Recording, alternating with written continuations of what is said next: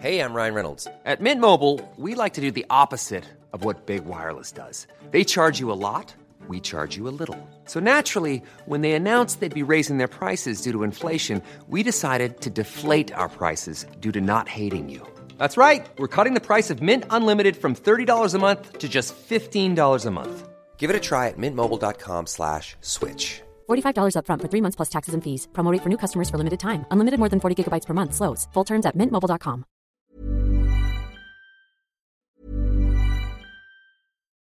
Life is full of what ifs. Some awesome, like what if AI could fold your laundry? And some, well, less awesome, like what if you have unexpected medical costs? United Healthcare can help get you covered with Health Protector Guard fixed indemnity insurance plans. They supplement your primary plan to help you manage out of pocket costs. No deductibles, no enrollment periods, and especially no more what ifs. Visit uh1.com to find the Health Protector Guard plan for you. Hiring for your small business? If you're not looking for professionals on LinkedIn, you're looking in the wrong place. That's like looking for your car keys in a fish tank. LinkedIn helps you hire professionals you can't find anywhere else, even those who aren't actively searching for a new job but might be open to the perfect role. In a given month, over 70% of LinkedIn users don't even visit other leading job sites. So start looking in the right place. With LinkedIn, you can hire professionals like a professional. Post your free job on linkedin.com slash people today.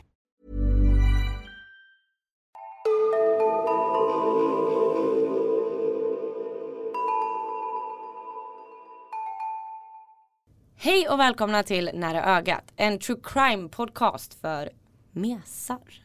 Mitt namn är Alexandra Kensdottir. Och jag heter Amelia Ingman.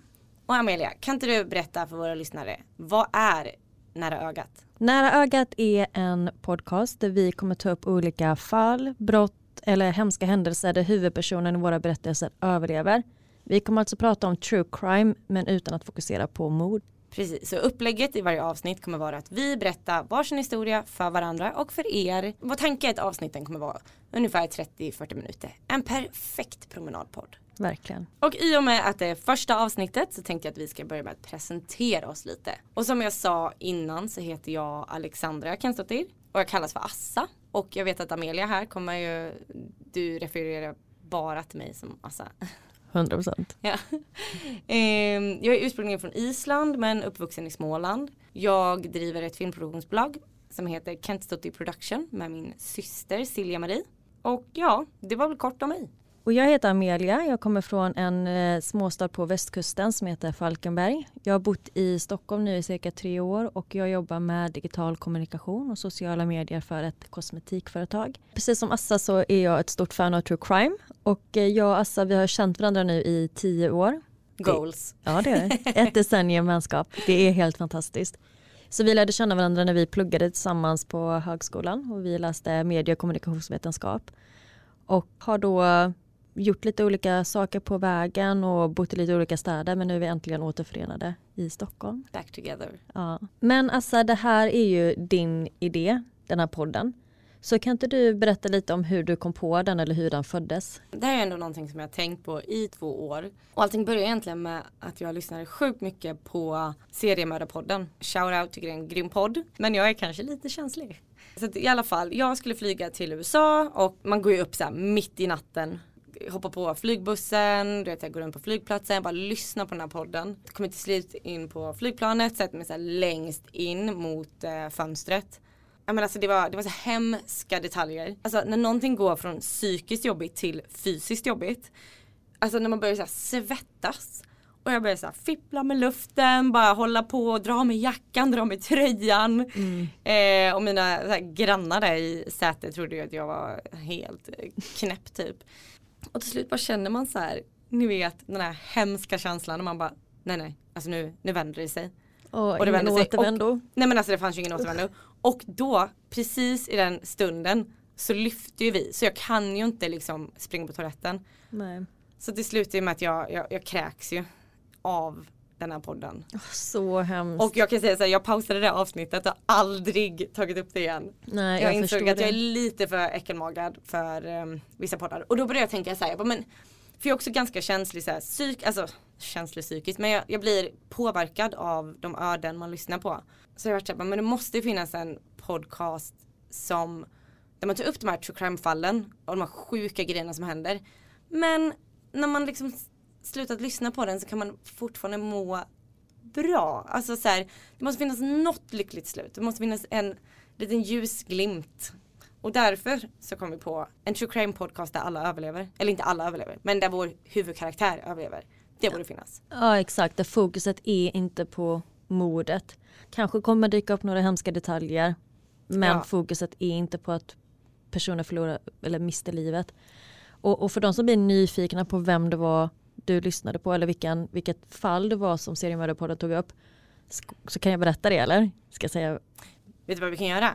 Vi kan eh, skriva om det på vår Instagram. För ni måste ju såklart gå in och följa oss på Instagram. Vi heter Nara Ogat Podd. Ja exakt, nära ögat podd utan Ja. prickarna. Precis. Okej, så gå in där och kika så ska jag lägga upp vem det var som fick assa och spy klockan sex på morgonen. Ett flyg till Denver. Fy fan. Tips, lyssna inte på den. Nej, jag har också lyssnat på den. Jag- var också tvungen att pausa. Det, det gick inte att ta sig igenom. Nej, det var riktigt hemskt. Okej, så att mitt första fall är The Collingswood Boys. Okej. Men Vet du vad det är för något? Nej, jag känner inte igen det. Jag har tagit all information från Oprah, min husgud. Eh, jag hittade ett gammalt eh, Oprah-avsnitt från 2010. Och eh, jag har också tagit lite info från Wikipedia. Så att mitt, eh, mitt fall börjar 1994. Och det handlar om fyra bröder. Bruce som är 10 år. Treshawn som är 5. Terrell som är 2 och Michael som är 1. Och de här fyra pojkarna har haft en jättejobbig start i livet. Jag har hittat väldigt lite information om deras biologiska föräldrar men jag tror att de var missbrukare. Och att de inte hade den lättaste starten i livet. Men de hamnar i alla fall då 94 på, i ett fosterhem i Collingswood i New Jersey. Och, eh, Då är det paret Raymond och Vanessa Jackson som tar emot dem och blir deras fosterföräldrar. Och Raymond och Vanessa de är ett helhyllepar. De går jättemycket i kyrkan. De, dels har de två egna barn men sen så har de även massa fosterbarn och liksom adopterar även fler barn. Och utåt sett så ser de ut att vara väldigt så här, älskvärda föräldrar som verkligen tar hand och öppnar sitt hem liksom, för, för utsatta barn. Och allting gick jättebra under tiden pojkarna var fosterbarn hos dem. Men så fort, för att efter de varit fosterbarn i ungefär två år så fick eh, paret eh, Raymond och Vanessa adoptera pojkarna.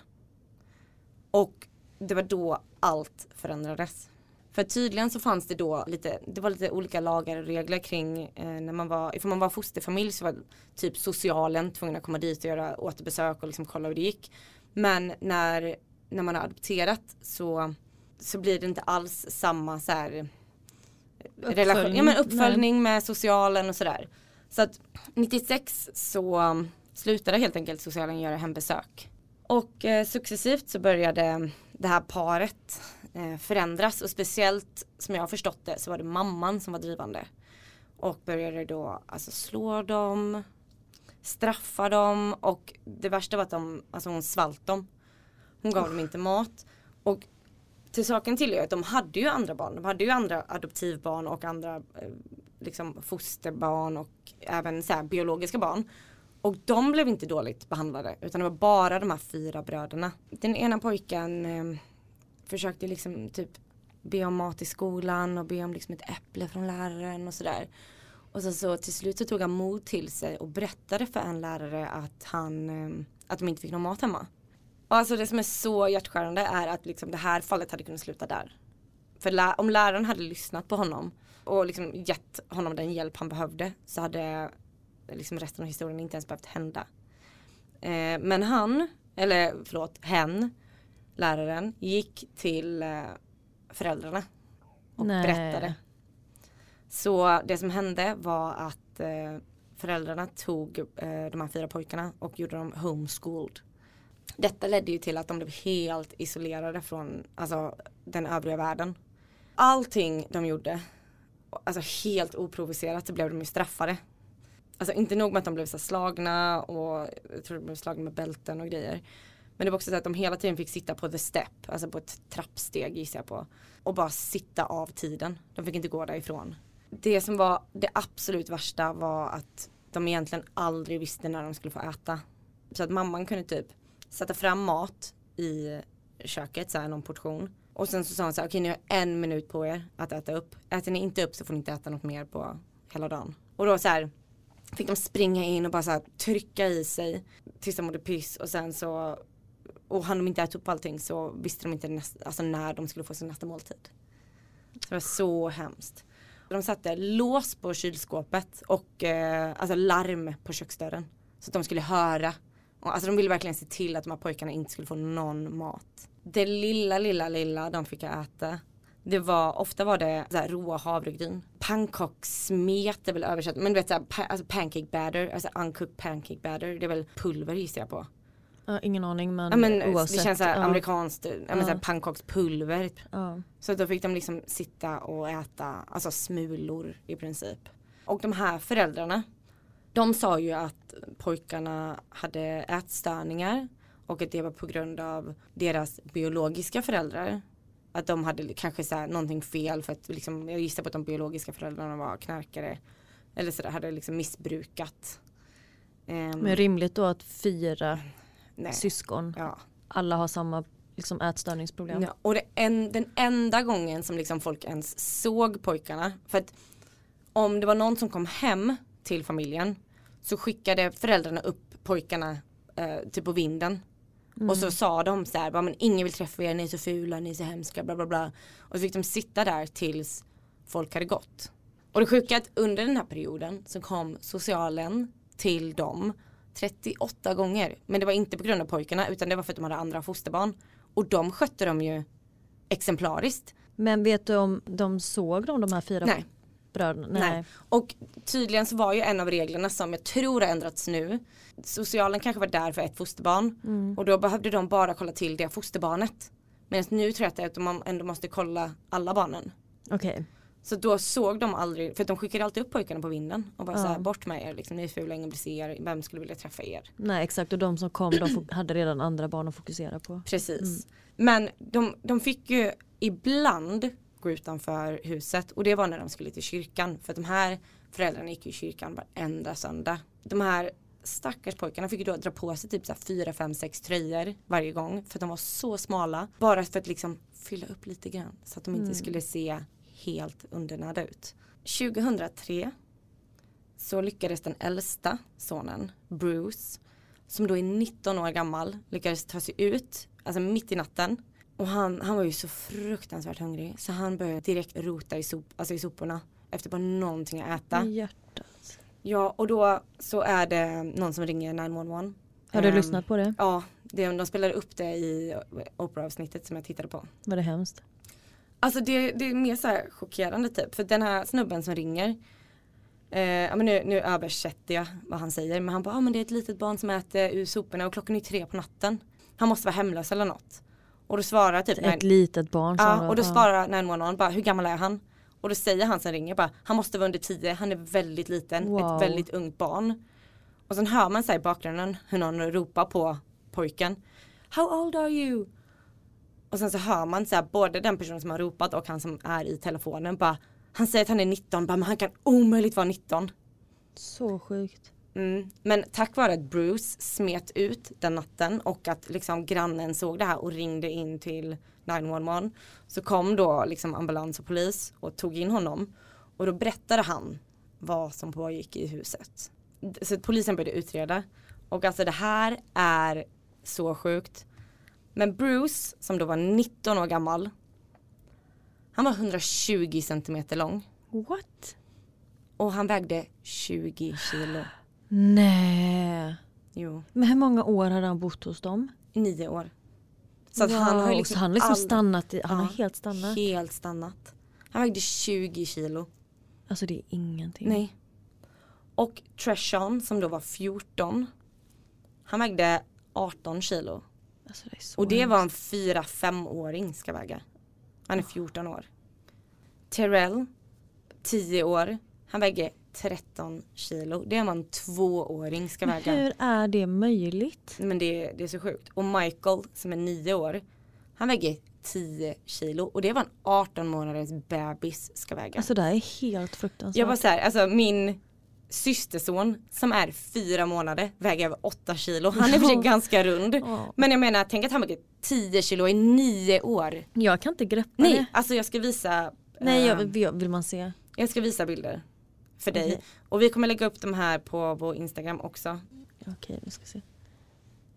Wow. Okej, jag måste bara spontant så alla se ut att vara under fem år. Eller så ut att Mm. vara fyra. Alltså det, det är bebisar, det är små, små barn. Och då Michael som var nio år, han som då vägde 10 kilo.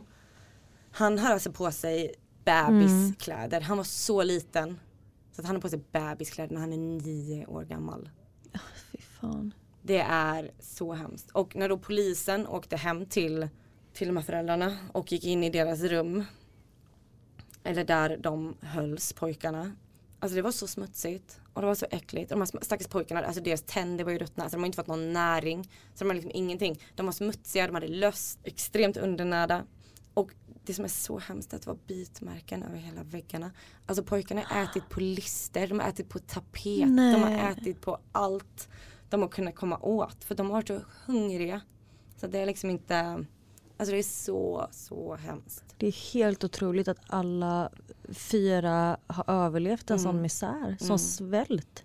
Raymond och Vanessa blev då, vad ska man säga, åtalade av 28 fall av aggravated assault. Jag vet inte riktigt vad man eh, alltså översätter det till. Men de fick i alla fall så ja, men 28 fall av det. Raymond, eh, pappan då, han är ju död av en stroke under utredningen. Men mamman levde ju kvar. Genom att hon erkände sig skyldig av ett av de här fallen av 28 så fick hon minskat straff. Så hon gjorde en sån plea deal Mm, eller hon, ja, hon nå- gick inte in i, i, det blev ingen rättegång eller? Ja, men det var någon slags rättegång. Eh, men jag förstår inte, det, alltså det är också så amerikanska rättssystemet, jag är inte helt inne i hur allting funkar. Men det var någonting hon kunde erkänna sig skyldig av ett av de här fallen och därmed få minskat straff. Så hon fick bara sju års fängelse. Va? Och det känns så lite för att vara USA. Man bara säga alla fördomar man har mot det amerikanska rättssystemet. Verkligen. Det sjuka är att hon satt bara fyra av de här åren. Ja, Så att hon kom ut 2010. så sjukt. Rättegången var två år efter de, eh, alltså typ 2005 och de hittar, han Bruce eh, smet ju 2003. Och då hade Bruce, dels hade han vuxit massa på längden, men han har också gått upp 45 kilo på två år. Han har tripplat, mer än tripplat sin egen vikt. Wow. Så han håller typ ett tal på den här rättegången. Ja. Han har ju blivit så pass skadad utvecklingsmässigt, alltså i och med att han har varit så undernärd. Han har lite svårt att prata, men det var, alltså det finns på YouTube. Eh, och det är så starkt när han så här pratar till sin adoptivmamma. Och bara, du slog oss, du har tagit min barndom. Ja. Om ni vill gråta så gå in och titta på det. Ja. Men i alla fall, 2010 så var de med i eh, Oprah. Okej. Inte Bruce. För jag tror att han hamnade på någon slags hem efter det här. Och jag kan liksom inte hitta någonting om honom nu. Så han var inte heller med hos Oprah. Men okej. Men de tre yngsta sönerna var med. Och de, de bara, men Bruce är ju hjälten, så här, utan honom så hade vi alla varit döda. Och alltså när de går in till Oprah, jag tror inte att Oprah är så lång, men alltså alla de här killarna är ju ett huvud kortare än Oprah. Ja, det är så. Ja, de är jättesmå. Jag tror också Bruce var ju äldre, han var ju 19 när han eh, hittades och de andra var ju 14, 10 och 9. Så de var ju inte myndiga. Nej. Och så var det en, eh, en man som han fick ta hand om dem när de liksom ja, men, hamnade hos polisen och allting. Utan han, han fick liksom, mannens farmor var tillfällig fosterförälder för barnen. Okej. Och den här mannen, han eh, James, han skulle vara någon slags manlig förebild för dem. Men han kände så mycket för dem. Så att han och hans fru Amber adopterade de här tre killarna. Och de hade en egen son som var åtta då, eh, 2010. Alltså de, det är sån fin familj. och James och Amber verkligen så har tagit hand om dem och hjälpt dem. För de här killarna hade ju sådana problem med mat. De kunde ju, alltså de hetsåt när det fanns mat och så kunde liksom kroppen inte behålla det. Så de så här kräktes. Amber och James har verkligen varit så här, alltså hjälpt dem och bara så här, det kommer alltid finnas mat för er. Ja. Och då hade den yngsta någon gång kommit fram till eh, Amber och bara Can you be my mom? Och så hade de adopterat dem. Nej, Alltså så fint. Och hon Amber är ju också med då på Oprah. Ja. Och hon är, hon är ju så tacksam för att efter allt de har gått igenom så valde de henne som mamma. CJ, deras son, som var åtta, han blev ju superglad för nu har han tre brorsor. Ja, visst. Alltså, och de leker ju hur mycket som helst. Och också någonting som är fint är att så här efter, alltså, eller fint, de kunde ju så här stämma staten tror jag eller någonting. De fick ersättning. Eh, så att nu har de, alla de fick så scholarship till att de ska få gå i college. Mm. Jag kan ju vara en stalker. Ja. Men jag har ju varit inne på de här tre killarnas alltså, Facebook-profiler. Men vad gör de idag? Berätta. Eh, De är, det är inte jätte, jag vet inte exakt vad de gör. Jag tror att de jobbar på lite olika ställen. Men Ja. du vet så här, bara så här, gå igenom och titta på deras bilder. Se att de är en familj. Du vet med de här nya, alltså eh, James, Amber, CJ och liksom alla de här. Det är ju tre vuxna män idag liksom. Ja. Så det, det är så fint att se att de har fått ett, Men de verkar Alltså- ha det bra liksom. de verkar ha det bra. Mm. Och jag hoppas att Bruce också har det bra. Jag hittar liksom inget om honom. Hjälten. Ja, Mm. hjälten. Så det här var mitt fall om The Collingswood Boys. Wow. Alltså vilket livsöde. Mm. Jag är så nyfiken på ditt avsnitt. Okej, så det fall som jag tänkt prata om idag är kidnappningen och den brutala attacken på 15-åriga Mary Vincent. Du känner igen? Alltså jag, jag har ju Mm. en baskunskap om det här fallet. Mm, jag misstänker att du har hört detta förr för det här är helt otroligt men jag kör det ändå. Alright, så Mary växte upp i Nevada tillsammans med hennes eh, föräldrar och syskon. Det var inte jättemycket information jag kunde hitta på hennes eh, uppväxt eller tidigare liv men det verkar som hon haft en så relativt normal uppväxt. Men när hennes föräldrar beslutade sig för att skiljas så hade Mary väldigt svårt att eh, acceptera det. Hon började skolka från skolan och blev väldigt utåtagerande och hon bestämde sig för att hon skulle rymma hemifrån. Så hon och eh, hennes dåvarande pojkvän rymde tillsammans till Los Angeles där de till en början bodde i hans bil.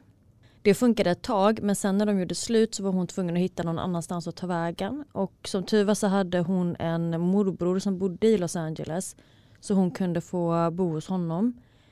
Men efter ett tag så började hon få så stark hemlängtan och hon ville bara åka tillbaka till sin familj i Nevada så hon bestämmer sig för att ensam lyfta hem. Typ när var detta liksom tidsmässigt? Det här utspelar sig den 29 september 1978 och då ställer hon sig längs med en väg i Berkeley, Kalifornien och börjar lyfta.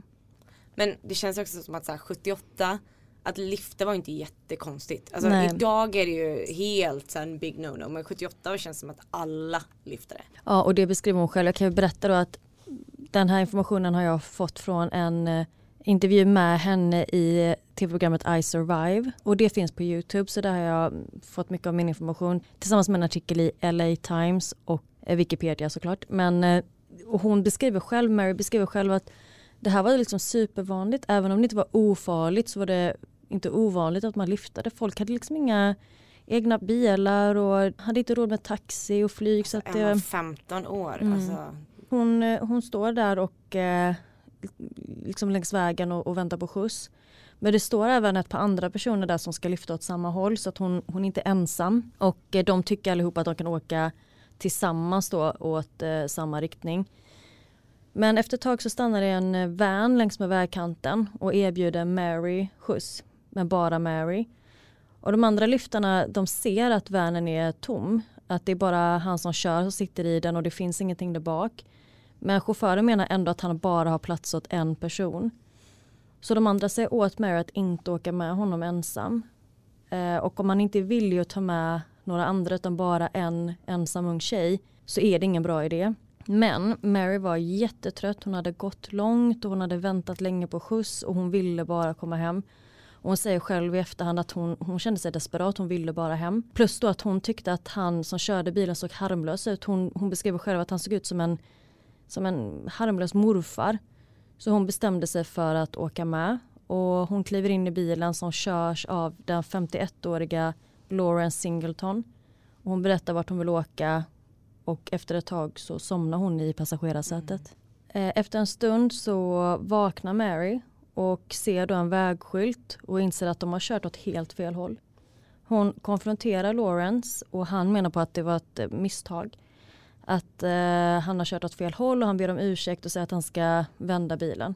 Och då är de mitt ute i ingenstans. Det är helt öde. Det finns eh, i princip ingenting och de kör bara på småvägar alltså, i ödemarken. Ångesten. Så hemskt. Och nu har det även hunnit bli liksom helt mörkt ute. Vi har ju vuxit upp med att man har mobiltelefoner. Mm. Alltså så här, man är så nära sin familj även om man är långt bort. Hon var desperat. Ja. Hon säger själv att hon ville bara hem. Ja. Och förmodligen hade det väl funnits bättre sätt att göra det på men liksom i stunden som, som hon själv beskriver det här var inte ett unikt sätt att Nej. ta sig fram på. Men så de kör vidare då och Lauren säger till Mary att eh, han måste kissa. Så de stannar till med bilen och nu har då hon hunnit få en riktigt dålig magkänsla. Och eh, hon förstår att hon är i en dålig situation. Eh, så när Lauren ser utanför bilen så märker hon att hennes ena skosnöre har gått upp. Och så tänker hon för sig själv att om jag måste springa och, och jag kan springa ifrån honom. Jag kan springa ifrån den här gubben. Men då måste jag knyta mina skor. Så hon kliver också ut ur bilen och eh, när hon böjer sig ner för att knyta skorna så slocknar hon. Och då har han slagit henne i huvudet med en slägghammare. Och när hon vaknar igen så ligger hon naken och fastbunden bak i hans van. Och han börjar våldta henne. Och det gör han om och om igen hela natten. Och hon är helt förstörd. Och hon frågar honom varför han gör detta men han svarar inte. Så hon ligger där och bara önskar att hon vore död. Under hela natten så bad hon honom att släppa henne och hon lovade att inte berätta för någon. Mm. Om han bara låter henne gå. Men han bara fortsatte våldta henne tills eh, solen gick upp. Liksom. På morgonen så släpar han ut Mary ur bilen. Och hon är helt naken och hon blöder och, och såklart liksom en fruktansvärd situation. Men då säger han till henne att om du vill att jag ska släppa dig fri så ska jag släppa dig fri. Och så sträcker han sig efter en yxa som ligger i bilen. Tar tag i Marys vänstra arm. Och med ett hugg så hugger han av armen på henne. Så han kapar liksom hennes arm precis under armbågen. Och Mary börjar falla baklänges. Och när hon faller så får hon med sin, tar hon liksom med sin högra hand tag i hans arm och nyper fast liksom så hårt hon kan. Hon förstår, mm. Hon förstår inte vad det är som händer. Och när hon tittar ner mot hennes vänstra arm så finns det ingenting där, det bara sprutar ut blod. Mm. Och hon beskriver själv att, liksom att det här är en sån fruktansvärd smärta som hon upplever. Och hon är också fullt medvetande när detta, alltså hon är fullt medvetande när detta händer och hon känner allt. Så hon faller till marken och börjar då skrika och sparkas för att försvara sig. Hon hoppas att någon ska höra henne. Mm. Han fortsätter veva yxan mot henne om och om igen och till slut lyckas han även hugga av hennes högra arm. Och han backar bort från henne och hon, hon, förstår inte vad det är som händer. Men Mary ligger kvar på marken och hon ser liksom från håll att han står och, och viftar med sin arm. För hon bara ser liksom att han försöker vifta bort någonting. Men till slut så ser hon att hennes hand har liksom då krampaktigt hållit sig fast vid honom. Och det är hennes avhuggna arm som han står och försöker vifta loss. Gud, det, alltså det är ju alltså en skräckfilmscen. Ja. Han, han har kapat båda hennes armar och hon är liksom hon kan typ inte ta in vad det är som händer. Så hon ligger där då helt skräckslagen och totalt handlingsförlamad. Så Lawrence går tillbaka fram till henne och börjar släpa Mary.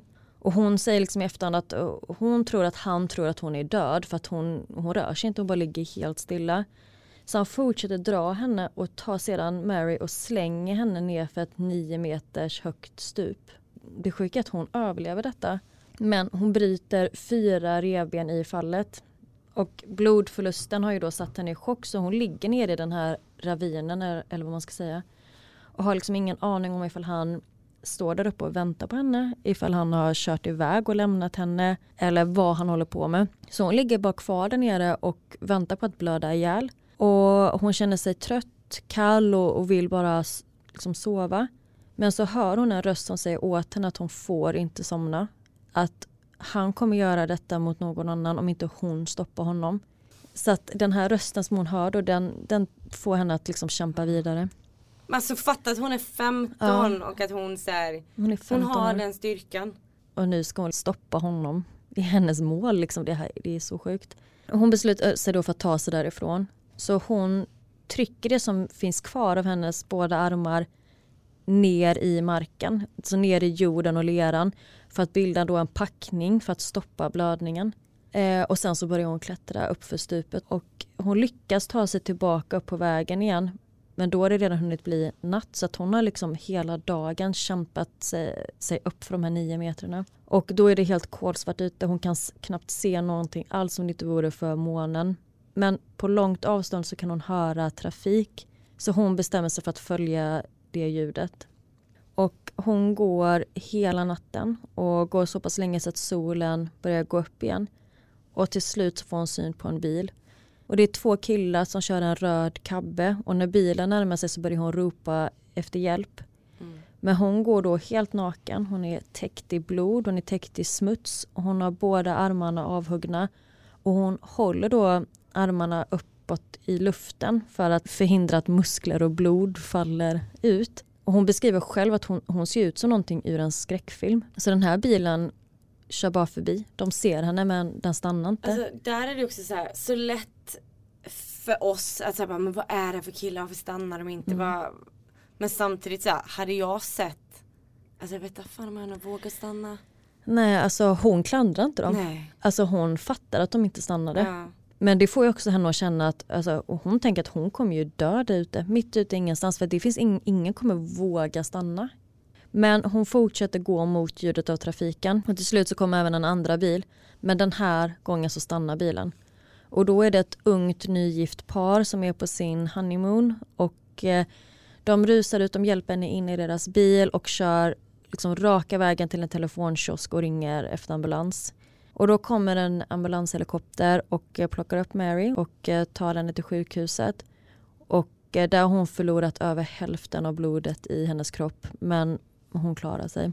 På sjukhuset så gav Mary en så extremt detaljerad beskrivning av förövaren så att Lawrence Singletons granne när hon såg fantombilden på tv så ringde hon inte polisen och var övertygad om att det var han, vilket då stämde.